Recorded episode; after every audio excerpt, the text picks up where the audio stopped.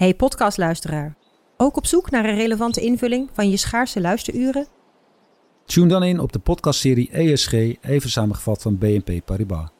Wij, Marloes en Aldert, spreken daar duurzame voorlopers en wereldverbeteraars. Waarover dan? Nou, bijvoorbeeld of we ooit duurzaam kunnen gaan vliegen. En waarom koeien in de stad nou een goed idee is? Dat en meer elke twee weken in een nieuwe aflevering. Dus abonneer je. ESG, even samengevat. Ik ben al jaren ondernemer, maar waar moet ik eigenlijk allemaal aan denken nu ik voor het eerst personeel wil aannemen, voor het eerst ga importeren of voor het eerst een bedrijfslocatie zoek? Weet wat je wel of niet moet doen bij zaken die je voor het eerst oppakt. Check kvk.nl voor praktische stappenplannen. KVK, hou vast voor ondernemers.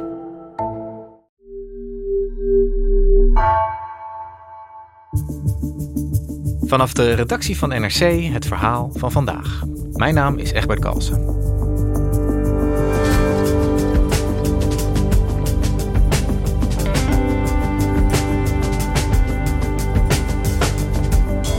De opvang van asielzoekers in Nederland is totaal vastgelopen.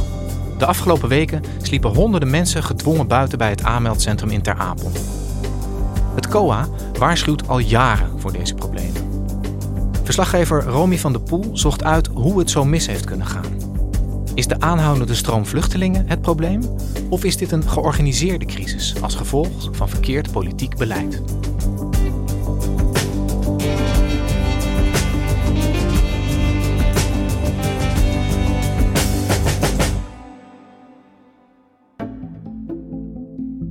Laten we beginnen in mei. Toen las ik mee in, uh, in een appgroep van het COA, het Centraal Orgaan Opvang Asielzoekers, dat alle asielzoekers uh, in Nederland opvangt. En uh, daarin las je eigenlijk dat er het elke dag hangen en wurgen was om iedereen die zich in Nederland aanmeldde een bed te geven. Eigenlijk is het COA elke dag dan al gemeente, burgemeesters aan het smeken om, uh, om een nood, uh, noodlocatie in te richten waar ze in touringcars dan de asielzoekers die zich melden naartoe kunnen rijden. Het dieptepunt daarvan zagen we vorige week in Ter Apel. Bij het aanmeldcentrum in Ter Apel hebben vannacht 700 asielzoekers buiten geslapen. Dat meldt het COA.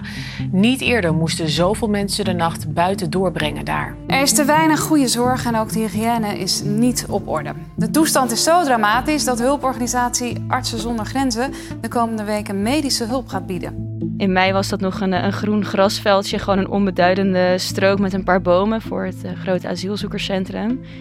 Ik was er vorige week donderdag en toen was het verdord. Het stonk er enorm naar urine, omdat er een paar dicties stonden. En onder uh, tentdoeken lagen dus 700 mensen te wachten. It, it's too hard, it's too difficult man. When you, you don't have shower for days, maybe a week or more, and then it's, it's not safe, it's not healthy. Er waren geen COA-medewerkers meer die konden uitleggen wie waar naartoe moest. Iedereen werd te woord gestaan door beveiligers. De hekken zaten dicht. Maar we weten ook dat het daar achter die hekken hartstikke vol is. En als je daar staat, zie je dus bijvoorbeeld een gymzaal liggen met rode bakstenen. In die gymzaal sliepen vorige week 120 vrouwen en kinderen in plaats van uh, de 50 die er eigenlijk mogen slapen. Bijvoorbeeld achter op het trein, daar kwamen we dit weekend achter. Sliepen vorige week zes keer zoveel uh, alleenstaande minderjarige asielzoekers. Dus jongeren onder de 18 die hier zonder hun ouders zijn gekomen als uh, eigenlijk mag. Dus 350 kinderen zaten daar in plaats van de toegestaande 55. En dan hebben we het nu alleen nog maar over Ter Apel, de plek waar het de laatste tijd heel veel over gaat. Maar eigenlijk zitten door heel Nederland honderden of misschien wel duizenden asielzoekers tijdelijk in zaaltjes, in gymzalen, op boten, in tenten zelfs, omdat er nergens meer plek voor ze was. Ja, dus we hebben hier te maken met een opvangcrisis en eentje die eigenlijk iedereen die in de asielketen werkt al heel erg lang zag aankomen. Romy, jij bent al uh, een tijd bezig met, uh, met dit dossier, met het asieldossier. En uh, we zien die situatie zoals in Ter Apel, hè, die jij net beschreef. Um, jij zit hier omdat we graag willen begrijpen wat er nou precies aan de hand is en hoe het zover heeft, heeft kunnen komen. Laten we het eens even heel helder proberen neer te zetten. Die asielprocedure, hè, hoe is die nou ooit bedacht? Hoe had het moeten werken? Een asielzoeker komt aan in Nederland en hoe je er hier ook aankomt, je moet naar Ter Apel. Want daar kijkt de politie naar, uh, naar je documenten, je moet je vingerafdrukken achterlaten. En daar zit de immigratiedienst. En die vraagt daar aan asielzoekers, ja, wat, wat kom je hier doen? Hoe ben je hier gekomen? En dat is eigenlijk het begin van een asielverzoek. En het idee is dan dat mensen een paar nachten uh, in Ter Apel blijven, hooguit. En dat mensen daarna verspreid worden over heel Nederland. En in asielzoekerscentra daar uh, het antwoord van de immigratiedienst afwachten. En uiteindelijk horen ze dan of ze mogen blijven of dat ze Nederland weer moeten verlaten. Ja, zo zou het moeten werken. Uh, jij beschreef net al, dat is dramatisch uh, spaak gelopen, zou je kunnen zeggen. Wanneer zagen we nou voor het eerst dat dat systeem stokte? Het begon eigenlijk vorig jaar augustus, toen de Taliban de macht grepen in Afghanistan. Want op dat moment komen er opeens duizenden Afghanen naar Nederland. En eigenlijk zit het COA vanaf dat moment vol. En in het begin lukt het nog wel uh, om dan s'avonds uh, de mensen die voor wie er geen plek is in Ter Apel met bussen naar noodopvanglocaties te rijden, waar ze even kunnen overnachten. Totdat mensen doorkrijgen dat als zij in een bus stappen naar, dat kan Zeeland zijn, dat kan, het kan door heel Nederland zijn, dat ze dan hun afspraken missen.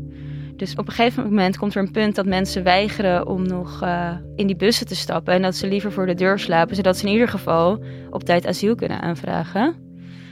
Maar vorige week kwam er dus een punt dat het zelfs niet meer lukte om de mensen die naar een opvangplek wilden, om die ergens naartoe te kunnen brengen. En op een gegeven moment leeg er dus 700 mannen een paar nachten achter elkaar buiten voor die poorten. Dat is het, het, zichtbare deel van de asielprocedure, zou je kunnen zeggen. Kan jij nou eens beschrijven waar in het systeem het allemaal stokt? Wat gaat er mis in die hele keten? Het gaat echt op heel erg veel plekken mis.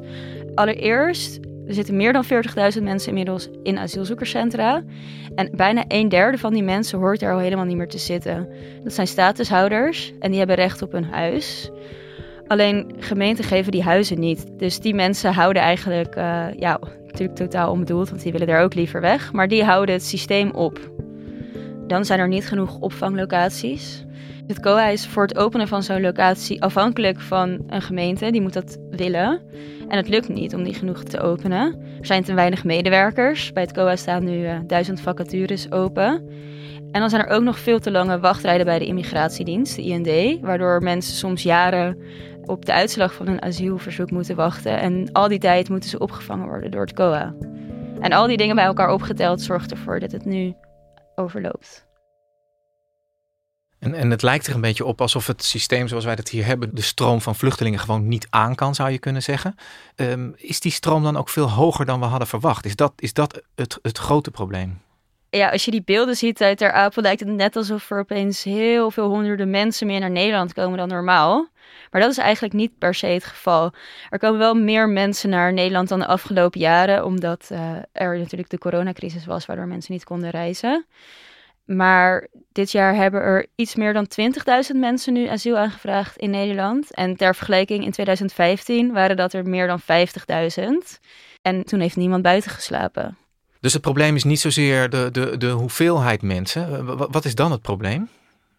Dat heeft uh, ook te maken met de keuzes en het beleid die afgelopen jaren zijn uh, gemaakt. Het begint met inschattingen van hoeveel mensen er naar Nederland komen, hoeveel mensen hier een asielverzoek gaan indienen. En dat is natuurlijk heel erg ingewikkeld, want je kan moeilijk voorspellen waar en wanneer een oorlog uitbreekt. Maar die prognose vormt wel een belangrijke basis voor de financiering van het COA. Het COA en ook trouwens immigratiedienst IND, die werken met op- en afschalen. En dat betekent dus dat op basis daarvan het COA beslist hoeveel asielzoekerscentra er geopend moeten worden of gesloten moeten worden. Want het COA wordt betaald per beslapen bed. Dus het is heel ingewikkeld financieel om genoeg bedden klaar te zetten als je daar niet op gefinancierd wordt. En je zag bijvoorbeeld vorig jaar dat er ook ruzie of discussie tussen het ministerie en het COA was over hoeveel mensen er zouden komen. Zelfs zover dat het ministerie vorig jaar tegen COA heeft gezegd dat er bedden moesten worden afgebouwd. Wat het COA toen heeft geweigerd. Dus de, dus de realiteit, de daadwerkelijke instroom zou je kunnen zeggen, die wijkt vaak af van die verwachtingen. Is er dan niets te doen aan die verwachtingen? Kunnen die niet beter? Hoe dat precies wordt gedaan, dat is niet helemaal duidelijk. Want die inschattingen worden niet openbaar gemaakt. En de rekenmethoden zijn ook niet openbaar. Er is een paar jaar geleden wel onderzoek naar die berekening gedaan. En daarin zei de betrokken ambtenaren tegen de onderzoekers dat ze het mogelijk achten dat het verzamelen en verwerken van die gegevens door politiek wensdenken wordt gekleurd. En daarmee willen ze natuurlijk eigenlijk zeggen dat het aantal verwachte asielzoekers eerder wordt onderschat dan overschat. Maar die berekening vormt dus wel de basis voor hoeveel geld COA uiteindelijk krijgt. Eigenlijk had men ook bij het COA, dat zagen we in notulen uh, uit 2019, een paar jaar geleden wel, doordat het systeem begon te kraken onder deze werkwijze, omdat huren en kopen van panden duurder wordt, personeel werd moeilijker te krijgen. En burgemeesters die zijn dat jojo-beleid zat. Die hebben helemaal geen zin meer om hals over kop een asielzoekerscentrum te moeten openen. Die soms dan uiteindelijk niet eens meer gebruikt wordt of al snel dicht moet. Dat is lokaal natuurlijk heel moeilijk uit te leggen. Dus de werkwijze van het COA werd gewoon steeds ingewikkelder afgelopen jaren. Romy, uh, jij zei het al, er is op meerdere momenten uh, gebleken dat, dat het COA die vraag die er op dit moment is helemaal niet, niet aan kan. Lag het dan niet in de lijn der verwachtingen dat, dat de situatie zoals we dat nu in Ter Apel zien, dat, dat, dat die zich zou gaan voordoen? Dat dit een ongeluk was waar, waarvan iedereen zag dat dat eraan kwam?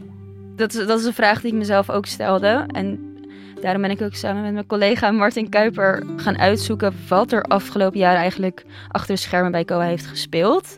Daarvoor uh, hebben we met allerlei mensen die bij COA werken gesproken, notulen ingezien, mails ingezien. En op basis daarvan kunnen we wel zeggen dat het COA dit ook al jaren zag aankomen. In 2015, toen kwamen er bijna 60.000 uh, asielzoekers in één jaar naar Nederland door de oorlog in Syrië. En toen werd ook wel weer wederom duidelijk hoe ingewikkeld dat opschalen en afschalen steeds is. Mede doordat mensen echt in erbarmelijke omstandigheden opgevangen moesten worden. Ik denk dat veel mensen zich tentenkamp bij Nijmegen nog wel eh, herinneren, waar Syriërs toen moesten slapen. grootschalige opvang van vluchtelingen, zoals dat gebeurt in het tentenkamp Heumensoord in Nijmegen, is schadelijk voor asielzoekers.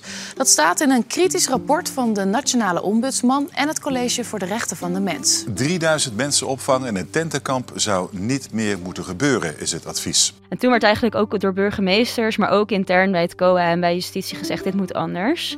We moeten eigenlijk zorgen dat we een wat flexibelere asielopvang uh, hebben. Maar die plannen zijn eigenlijk snel in de la beland. En in die interne notulen zie je ook dat in 2019 wordt gezegd: intern, we hebben bijna geen plekken meer.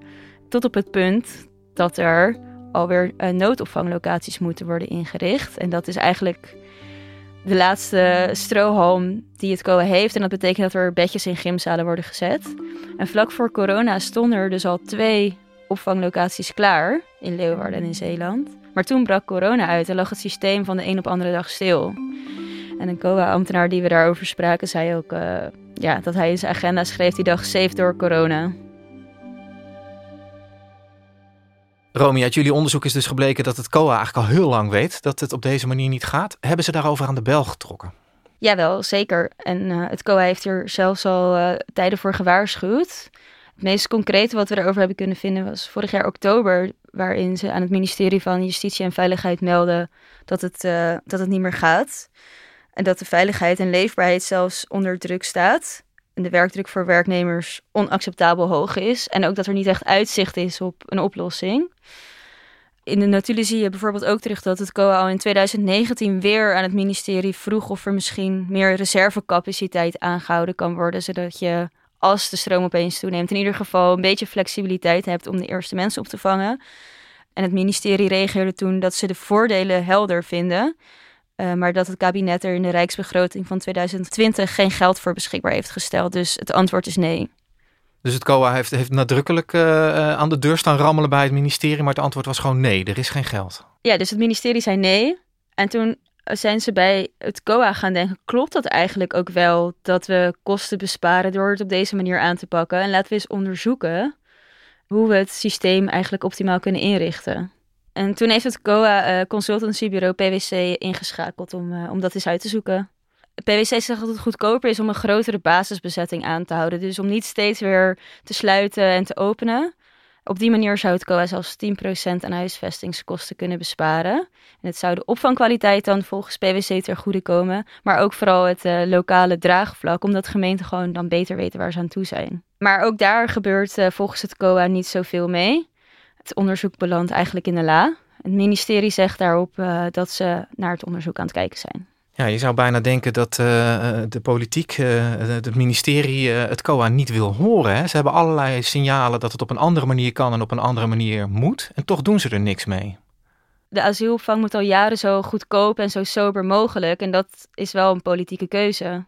En, en wat er nu in Ter Apel gebeurt, Romy, wat jij beschreef, begrijp ik dat goed? Is dat eigenlijk gewoon een gevolg van, van verkeerd beleid geweest? Ja, in ieder geval zijn er allerlei keuzes gemaakt en is er vaak genoeg aan de bel getrokken. En is daar uiteindelijk niets mee gedaan, waardoor dit het gevolg is. Maar het is niet alleen de landelijke overheid, het zijn ook bijvoorbeeld provincies die plannen moesten inleveren en een deel heeft dat helemaal niet gedaan. Het zijn gemeenten die dus niet genoeg huizen voor statushouders geven, maar ook geen asielzoekerscentra willen openen. Ja, en de staatssecretaris die zei begin dit jaar nog dat hij geen dwang uh, wilde toepassen. Maar daar is hij wel op teruggekomen. Zoals in Tubbergen, waar het uh, hotel is gekocht, waar 300 asielzoekers zouden moeten komen.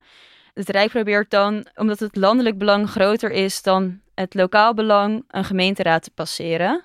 En de vraag is of dat, uh, dat, dat gaat lukken. Ja, dat, dat heeft in ieder geval tot een hevige strijd en veel rumoer geleid ook, hebben we gezien. En intussen staat het, staat het COA er alleen voor. Dat lijkt me best ingewikkeld, zeg maar, die gemeentes die niet willen helpen. Veel COA-medewerkers hebben dat gevoel ook heel erg. Die staan in Ter Apel, waar mensen letterlijk met bussen voor de deur worden gedropt die aankomen. En die proberen gemeenten te bellen of ze alsjeblieft willen helpen. En dat lukt gewoon niet genoeg. Dat is natuurlijk hartstikke zwaar. Je ziet ook dat in Ter Apel één op de drie COA-medewerkers inmiddels is uitgevallen. Dus dat heeft zeker zijn weerslag, ja. En, en het kabinet uh, is nu heel erg in overleg met die gemeentes. Hè? De, de verantwoordelijkheid die zeg maar, de lokale overheden moeten nemen, wordt heel erg benadrukt. Kijkt, kijkt het kabinet nou ook naar zichzelf, naar wat zij hebben gedaan de afgelopen jaren in dat asielbeleid? Ja, Rutte erkende vorige week zelf dat er sprake is van bestuurlijk falen in, uh, in de asielopvang. Daar kun je heel veel analyse op loslaten. Ik denk een van de dingen die je moet vaststellen is dat na de uh, Syrische vluchtelingencrisis er te snel ook weer plekken zijn afgebouwd die ja. toen niet meer nodig waren. Ja, u zegt er zijn te snel plekken af. Dat heeft u besloten? Zeker. Ja, ja zeker. Maar het bestuur is ook fouten maken. Dus het, uh, het besef is doorgedrongen tot, uh, tot het torentje zelfs, hè, als Rutte daarover spreekt. Wat is nou het concrete gevolg van dat veranderende inzicht in Den Haag? Heb je daar al iets van gezien? Ja, er is een asielakkoord gepresenteerd. En er zitten een paar heel concrete dingen in. Het belangrijkste is eigenlijk, denk ik, dat er voor 20.000 statushouders nog dit najaar een huis moet worden geregeld door gemeenten. Maar het cynische van dat asielakkoord is eigenlijk dat het nodig is na dit beleid en dat asielzoekers de dupe zijn van dit akkoord omdat er ook in staat dat de asielstroom ingeperkt moet worden. En dat wil het kabinet onder meer doen door uh, nareis te vertragen. Mensen mogen pas hun familieleden, gezinsleden laten overkomen op het moment dat zij een, uh, een woning uh, hebben. Dan wel een tussenvoorziening of een flexwoning. Nee, en dat betekent in de praktijk dat het veel langer duurt voordat mensen ja, hun gezin weer zien. Ja, en mag dat zomaar, die instroom op deze manier beperken? Ja, daar is nog uh, discussie over of dat juridisch überhaupt haalbaar is. De kinderombudsman heeft in ieder geval gezegd dat het ingaat tegen het kinderrechtenverdrag. Als je kijkt naar het kinderrechtenverdrag, dan zegt het over gezinshereniging, dat de staten met welwillendheid, menselijkheid en spoed zaken van kinderen moeten behandelen. En dat een kind het recht heeft om herenigd te worden met zijn of haar ouders. Ja, dus, dus het kabinet draait aan meerdere knoppen. En een van die knoppen is dus die instroom beperken, juridisch zeer omstreden, wat jij al zegt.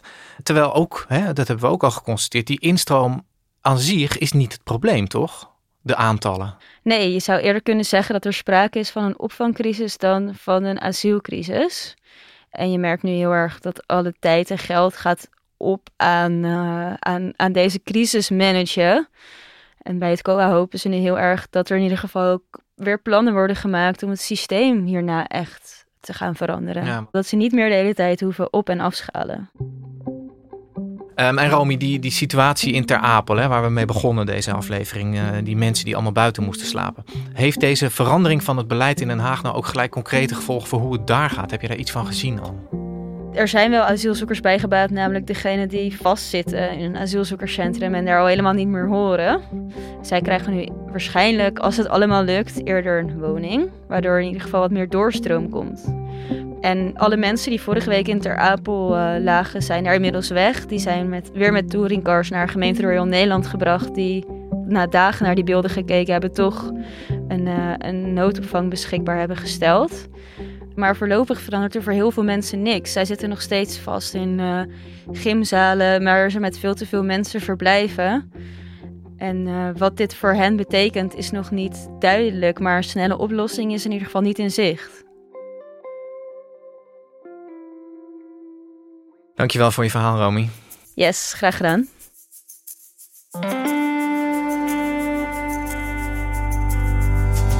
Je luisterde naar vandaag, een podcast van NRC.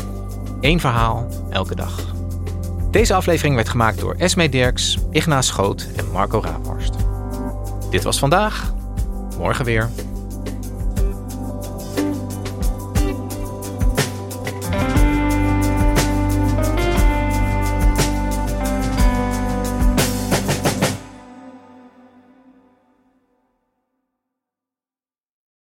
Technologie lijkt tegenwoordig het antwoord op iedere uitdaging. Bij PwC zien we dit anders.